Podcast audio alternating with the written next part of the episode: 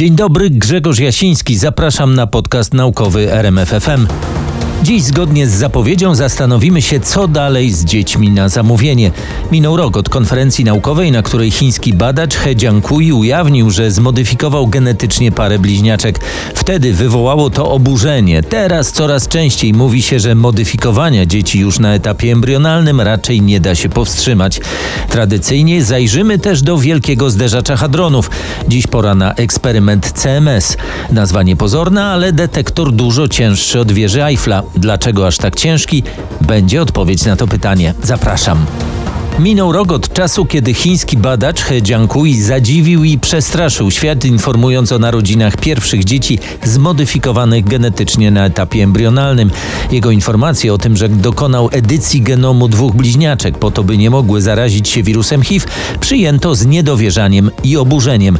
Rok później, jak pisze agencja Associated Press, nie wiadomo, co się z nim dzieje. Ostatnio publicznie widziano go w styczniu. Wyniki jego badań nie zostały nigdzie oficjalnie opublikowane. Nie wiadomo też nic na temat zdrowia dzieci. Nie znaczy to jednak, że sprawa przycichła, wręcz przeciwnie. Świat dowiedział się o całej sprawie w sposób nietypowy z ekskluzywnego wywiadu, który opublikowała agencja IP, zanim He Jiankui ogłosił swoje rewelacje podczas konferencji naukowej. Organizatorzy tej konferencji, Human Genome Editing Conference w Hongkongu, na którą był zaproszony, nie mieli pojęcia o czym zamierza mówić. Jego prezentacja, w której wyjaśniał, jak z pomocą metody edycji genów CRISPR-Cas dokonał modyfikacji, została przyjęta bardzo chłodno. Zgodnie kwestionowano nie tylko bezpieczeństwo samej procedury, ale nawet sens jej przeprowadzenia. Ten zabieg nie miał na celu ratowania życia dzieci, a nikt nie mógł zagwarantować, że im nie zaszkodzi. Pojawiły się też podejrzenia, że istotą eksperymentu nie była ochrona przed HIV, ale zwiększenie potencjału intelektualnego dzieci, który z tym samym genem się wiąże. Na fali kontrowersji towarzyszących tej sprawie pojawiły się apele, by poddać tego typu eksperymenty jakiejś formie szczególnej kontroli. Tym bardziej, że szybko wyszło na jaw, że He Jiankui tak do końca sam nie pracował. O jego badaniach wiedzieli inni genetycy, nie tylko z Chin. W marcu na łamach czasopisma Nature ukazał się list 18 zaangażowanych w badania genetyczne naukowców z siedmiu krajów, w tym także twórców metody CRISPR-Cas, którzy wezwali do pięcioletniego moratorium na tego typu eksperymenty.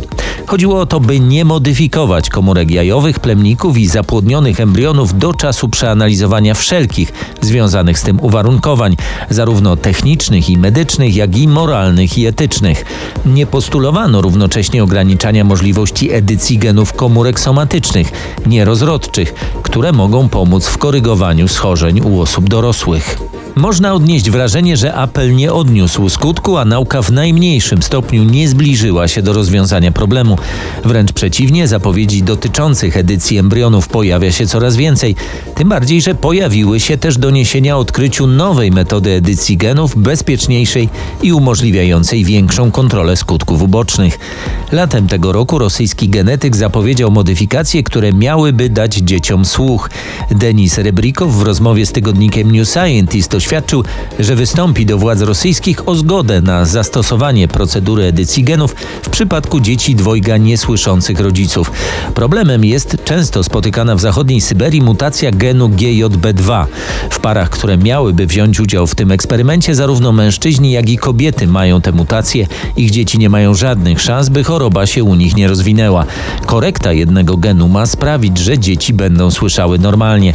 Zdaniem ekspertów cel takiej procedury wydaje się znacznie bardziej uzasadniony niż w przypadku chińskich bliźniaczek, ale argumenty dotyczące ryzyka zabiegu są wciąż aktualne.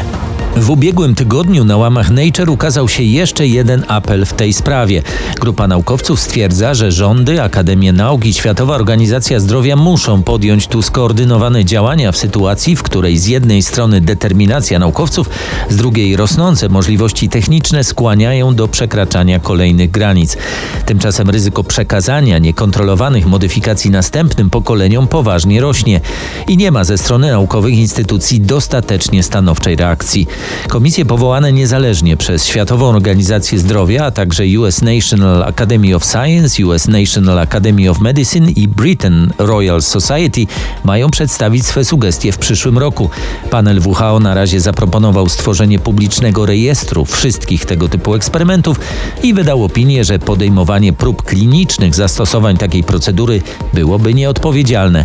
Co dokładnie ustalą eksperci Akademii jeszcze nie wiadomo, ale zdaniem autorów komentarza w Nature trudno oczekiwać, że się z tym nie zgodzą.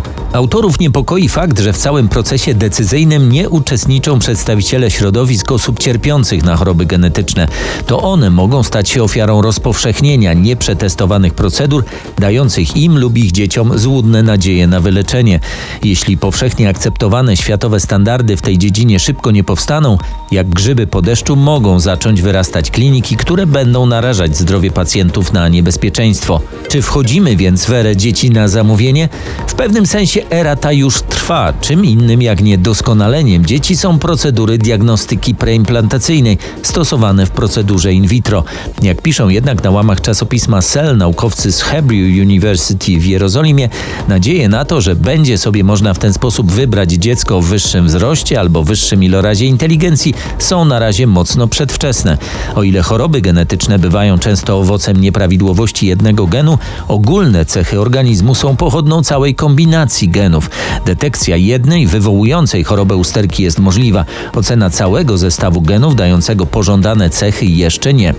Symulacje numeryczne pokazują przy tym, że nawet jeśli para miałaby wolę i możliwość wybrania jednego dziecka z dziesięciu swoich embrionów, maksymalny zysk nie przekraczałby 3 punktów IQ i 3 cm wzrostu, a i tak nie byłby gwarantowany. Odmienne zdanie prezentują na łamach czasopisma Bioethics naukowcy z Abertray University w Dundee. Ich zdaniem z etycznie poprawną kreacją dzieci na zamówienie możemy mieć do czynienia już za dwa lata. W swej analizie przekonują, że ryzyko związane z edycją genów na tyle szybko spada, że już niedługo będzie można uznać tego typu zabiegi na ludzkich embrionach za uzasadnione. Jeśli taki proces już się rozpocznie, doprowadzi do prawdziwej rewolucji. Pierwszy autor tej pracy, dr Kevin Smith, przekonuje, że komórki rozrodcze człowieka nie są doskonałe i ewolucja nie zabezpieczyła nas dostatecznie skutecznie, choćby przed chorobami układu krążenia, nowotworami czy demencją. Genetyczne modyfikacje mogą i powinny to naprawić. Gdyby podobnie negatywne nastawienie do innowacji zatriumfowało w latach 70. minionego wieku, rozwój zapłodnienia in vitro, bardzo korzystnej technologii medycznej, mógłby zostać znacznie opóźniony albo w ogóle zablokowany, przekonuje Smith. Jak widać, konsensusu w tej sprawie nie ma i nie zanosi się na to, by miał się szybko pojawić. Zmieniamy temat. Kampanie dezinformacyjne w mediach społecznościowych mogą nie wywierać na wyborców takiego wpływu, jakiego można było się spodziewać, przekonują na łamach czasopisma Proceedings of the National Academy of Sciences naukowcy z Duke University. Badacze, którzy wzięli pod lupę rosyjską kampanię dezinformacji na Twitterze, stwierdzili, że trafiła w Stanach Zjednoczonych głównie do osób najbardziej politycznie zaangażowanych i praktycznie nie skłania ich do zmiany zdania. Ich zdaniem, choć próby wywierania politycznego wpływu z zewnątrz powinny być być uważnie monitorowane, lęki na temat skuteczności takich działań wydają się jeszcze nieco przesadzone. Grupa badaczy pod kierunkiem Sunshine Hilligus prowadziła w październiku i listopadzie 2017 roku analizę aktywności i przekonań 1200 amerykańskich politycznie aktywnych Twitterowiczów, zarówno określających się jako demokraci, jak i republikanie. Osoby te zgodziły się na monitorowanie ich kont i analizę, na ile napotykane w sieci treści wpływały na ich polityczne sympatie.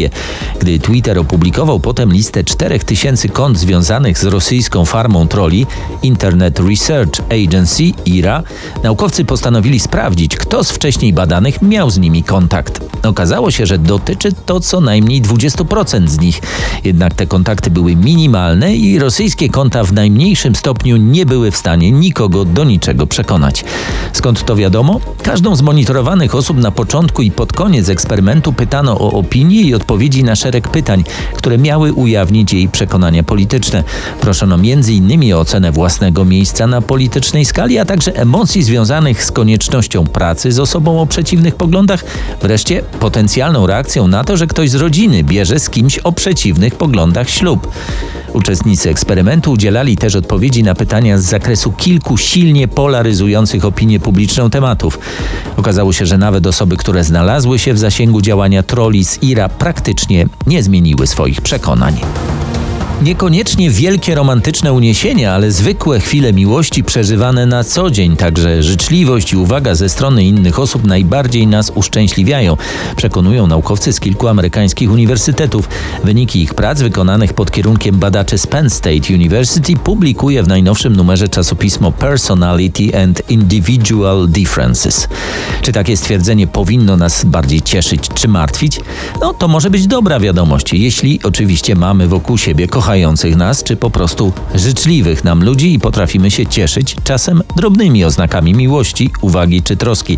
Zdaniem psychologów to one sprawiają, że czujemy sens życia, optymizm. A jak to bywa z romantyczną miłością? Wiadomo. Badania prowadzono w dwóch eksperymentach. W pierwszym uczestniczyły 52 osoby w różnym wieku, w drugim 160 studentów. Osoby te z pomocą swoich smartfonów przez miesiąc sześć razy dziennie sygnalizowały, co je spotyka i jak się czują. Ich relacje były odpowiedzią na przesyłane im o przypadkowych porach pytania. Okazało się, że szczęście budują małe rzeczy i jeśli chcemy, to jesteśmy w stanie zauważyć ich coraz więcej. To może jest taki emocjonalny pozytywizm, ale podobno działa. W oczekiwaniu na wielką romantyczną miłość może warto spróbować. Autorzy pracy piszą, że osoby, które zauważały więcej kierowanych pod ich adresem krótkich oznak miłości, przywiązania czy sympatii, wykazywały zauważalnie wyższy poziom samopoczucia, były też bardziej otwarte wobec innych. Badacze zauważyli też, że uczestniczące w testach osoby z czasem uwrażliwiały się na doświadczone dobro, zaczynały dostrzegać coraz więcej przykładów miłości czy życzliwości. Najwyraźniej w taki sposób także działa sugestia, by patrzeć na życie od lepszej strony. To efekt znany z wcześniejszych badań i jeśli przypomina się ludziom, by koncentrowali się na sprawach pozytywnych, ich wrażenie, że spotyka ich coś dobrego rośnie, no i to ma pozytywny wpływ na ich samopoczucie. Na razie badaczom udało się potwierdzić związek między zauważalnymi przejawami miłości i życzliwości, a poprawą samopoczucia. Zapowiadają, że będą jeszcze chcieli ustalić ponad wszelką wątpliwość, że to drugie wynika z tego pierwszego. Jeśli się to potwierdzi, może sugerować nową metodę terapii obniżonego nastroju. Być może wystarczy wysyłać tym osobom SMS-y z przypomnieniami, by dokładniej obserwowali zachowanie innych, a nastrój im się poprawi. Podróżowanie autostopem albo nawet na gapę było popularne już kilkanaście milionów lat temu. Przekonują o tym badania bursztynu znalezionego w Dominikanie. Wyniki analiz przeprowadzonych przez naukowców z New Jersey Institute of Technology i Muzeum Historii Naturalnej w Paryżu pokazują, że zatopiony w nim uskrzydlony termit dźwigał ze sobą całą armię mikroskopijnych stawonogów, zwanych skoczogonkami. Żyjące na Ziemi organizmy miały dzięki temu możliwość przemieszczania się na większe odległości. Pisze o tym w najnowszym numerze czasopismo BMC Evolutionary Biology. Przemieszczanie się i rozprzestrzenianie było zawsze sposobem zwiększania szans przetrwania gatunku. Ptaki i uskrzydlone owady miały łatwiej, organizmy żyjące na Ziemi musiały sobie jakoś radzić. Analiza inkluzji w bursztynie sprzed 16 milionów lat pokazuje, że owszem, jakoś sobie radziły. Małe stawonogi zwane skoczogonkami zabierały się w podróż z kimś większym i skrzydlatym. W bursztynie zauważono w sumie 25 skoczogonków i jeszcze jedną mrówkę. Strategia okazała się bardzo skuteczna. Na całym świecie żyje kilka tysięcy ich gatunków, w samej Polsce kilkaset. Obecnie skoczogonki są w ogóle jednymi z najpowszechniejszych stawonogów występujących w wielu głównie wilgotnych środowiskach. Większość z nich ma na odwłoku tzw. Tak widełki skokowe i rodzaj hamulca, które umożliwiają im skoki i unikanie drapieżników. Ta forma ruchu nie nadaje się jednak do przemieszczania się na większe odległości, tym bardziej, że skoczogonki są bardzo wrażliwe na dłuższy brak wilgoci. Odnalezione w bursztynie osobniki przypominają te współczesne, których atutem mogły być chwytne antenki umożliwiające załapanie się na jazdę na gapę. Takie właśnie antenki zaplątane wokół skrzydeł i odnóży termita i mrówki widać na scenie sprzed 16 milionów lat. Naukowcy nie wykluczają, że te stawonogi podobnie zachowują się i dziś w chwili zagrożenia stworzenia jednak szybko się rozłączają. Być może trzeba było dowodu zapisanego w żywicy przed milionami lat, by zauważyć coś, co jest wciąż na porządku dziennym. A o czym jeszcze mówiło się w mijającym tygodniu? A choćby o tym, że my ludzie nie musimy czuć się odpowiedzialni za wyginięcie neandertalczyków. Takie w pewnym sensie optymistyczne informacje publikują holenderscy naukowcy. Wyniki badań wskazujących na to, że los naszych dalekich krewnych był przesądzony i bez naszego udziału publikuje w najnowszym numerze czasopismo PLOS ONE. Co więc zadecydowało? Neandertalczycy nadmiernie wsobnie się mnożyli, a ponadto mieli po prostu pecha. To sprawiło, że około 40 tysięcy lat temu zniknęli zniknęli z Europy, ustępując miejsca naszym bezpośrednim przodkom. Natura relacji między tymi gatunkami była złożona, doszło do pewnego mieszania genów, ale Homo sapiens nie doprowadził do wymarcia Homo neanderthalensis. Te wnioski to wynik symulacji numerycznych opartych na danych pochodzących z obserwacji żyjących współcześnie społeczności zbieracko-łowieckich. Dla społeczności o różnych rozmiarach, od 50 osobników do 5000 osobników, okazywało się, że wsobne rozmnażanie się, zbyt mała różnorodność genów ale także zbieg różnych demograficznych okoliczności, w tym wpływ wielkości grupy na sprawność i stan zdrowia jej członków, mogły doprowadzić do ich wymarcia. W przypadku Neandertalczyków najprawdopodobniej tak właśnie się stało. Molière rzeczywiście był autorem swoich komedii, potwierdzili francuscy naukowcy. Wyniki ich badań rozwiały podejrzenia, że mógł je faktycznie napisać inny z wielkich francuskich dramaturgów, Pierre Corneille. Wątpliwości na ten temat pojawiły się dokładnie 100 lat temu. To wtedy po raz pierwszy napisano o podobieństwie stylu obu dramaturgów i wysunięto podejrzenia, że być może Corneille pisał sztuki podpisywane przez Moliera, by dać wyraz temu, co myśli, ale nie narazić się na krytykę. No a Molière, cóż, był słabo wykształcony aktorem z własną teatralną trupą. Nie mógł przecież napisać tyle arcydzieł. Już w XXI wieku pojawiły się kolejne argumenty za tym, że tak faktycznie było. Dwaj francuscy lingwiści postanowili to ostatecznie sprawdzić i zestawili dzieła obu mistrzów z pomocą najnowszych cyfrowych narzędzi analizy porównujących styl, słownictwo, gramatykę. Jak piszą w czasopiśmie Science Advances, okazało się, że style Corneja i Moliera bardzo się jednak różnią. Bliżej im miejscami nawet do innych autorów. Obaj byli więc geniuszami, nie oszustami. Literaturoznawcy mogą spać spokojnie. A tak a propos snu, okazuje się, że złe sny mogą mieć użyteczną funkcję. Mogą przygotowywać nas na wyzwania na jawie. Zaskakujące doniesienia naukowców ze Szwajcarii i Stanów Zjednoczonych publikuje czasopismo Human Brain Mapping. Badacze z Uniwersytetu w Genewie we współpracy z naukowcami Uniwersytetu Wisconsin badali aktywność elektryczną mózgu osób, które odczuwały we śnie lęk. Sprawdzali, gdzie te reakcje były najsilniejsze. Z pomocą rezonansu magnetycznego badano potem reakcje mózgu tych samych osób na nie nieprzyjemne obrazy czy filmy. Te reakcje koncentrowały się w rejonach odpowiedzialnych za kontrolę emocji, takich jak wyspa, ciało migdałowate, kora przedczołowa czy zakręt obręczy. Okazało się, że u osób, które najsilniej przeżywały lęk we śnie, znacznie osłabiona była reakcja w obliczu rzeczywiście nieprzyjemnych sytuacji, tak jakby sen w jakiś sposób przygotowywał nas na to, co może stać się na jawie. Co ważne, chodzi tu o złe sny, ale nie koszmary. Po przekroczeniu pewnego progu sny do niczego dobrego już nie prowadzą. Tradycyjnie kontynuujemy teraz wycieczkę po wielkim zderzaczu hadronów, który na zaproszenie CERN miałem okazję wraz z grupą polskich dziennikarzy zwiedzać. Mówiliśmy już o samym tunelu akceleratora, o tym skąd bierze protony, także o odtwarzającym pierwsze chwile wszechświata eksperymencie ALICE. Dziś pora na pierwszy z eksperymentów, które znalazły poszukiwaną od 50 lat cząstkę, nadający innym cząstkom masę bozon Higgsa. Zanim jeszcze dojdziemy do hali, gdzie mieści się detektor CMS, trafiamy do bardzo ważnego pomieszczenia, gdzie na swój sposób sortuje się dane. Co ciekawe, większość danych z detektora się wyrzuca. Kluczem do sukcesu jest wybranie tych, które warto zostawić. Zajmuje się tym m.in. aparatura wymyślona w Polsce, tłumaczy dr Piotr Traczyk. Tam za 7-metrową betonową ścianą znajduje się detektor CMS, który 40 razy, 40 przepraszam, milionów razy na sekundę robi coś w rodzaju zdjęcia zderzenia cząstek, bo 40 milionów razy na sekundę zderza, zderza się paczka protonów z drugą paczką protonów i coś się dzieje. Liczba zderzeń w sumie, ponieważ w każdym zderzeniu zderza się nie jeden proton z jednym protonem, tylko kilkadziesiąt, to w sumie na sekundę tych zderzeń jest jeszcze więcej. Ale częstotliwość jest co 25 nanosekund, czyli 40 milionów razy na sekundę. 40 milionów razy na sekundę przychodzi do nas takie jedno zdjęcie. To jest około 1 megabajta informacji, ok? Czyli 40 milionów megabajtów na sekundę płynie do nas tymi światłowodami i my musimy coś z tym zrobić. Co my z tym robimy? My to w większości wyrzucamy, bo tego się nie da zapisać. Nie, nie ma technologii, która jest w stanie zapisać 40 milionów megabajtów na sekundę. Nie ma ani gdzie, ani jak szybko. Więc my z tych 40 milionów wybieramy około 1000 najciekawszych i to potem oglądamy. I system, który po- podejmuje decyzje, które to są te ciekawe i trzeba zapisać, to pierwszy etap filtracji, bo ta filtracja tak naprawdę jest dwuetapowa, pierwszy etap filtracji znajduje się w pomieszczeniu, w którym w tej chwili jesteśmy. On redukuje 40 milionów do około 100 tysięcy, które potraf, potem trafiają na powierzchnię, tam jest fara, farma 2000 komputerów, które przetwarzają jej te zdarzenia już całkowicie i jest następny etap redukcji do, do mniej więcej, mniej więcej 1000 na sekundę. I to jest jedyne, co my kiedykolwiek zobaczymy jako fizycy, co my możemy analizować, to jest to, co zostanie. Także bardzo, bardzo yy, restrykcyjna filtracja. I odpowiedzialne zadanie. I, No te, tak. I ten za- zadanie tego systemu w zasadzie jest, jest krytyczne.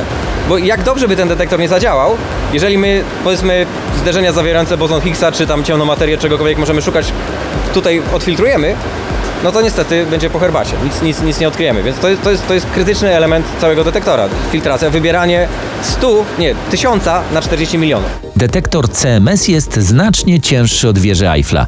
Dlaczego i po co? Detektor CMS jest najcięższym detektorem w CERNie. Yy, waży 14 milionów kilogramów. Mniej więcej 14 milionów kilogramów. Niesłychanie, niesłychanie ciężkie urządzenie. Yy, to dlatego, że on jest w dużej części zbudowany z litej stali.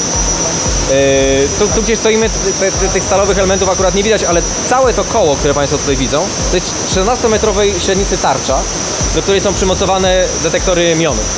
Ta tarcza za tymi detektorami z tyłu yy, jest po prostu, na, to jest wszystko powieszone do, na stalowej tarczy o grubości około 30 cm z litej stali.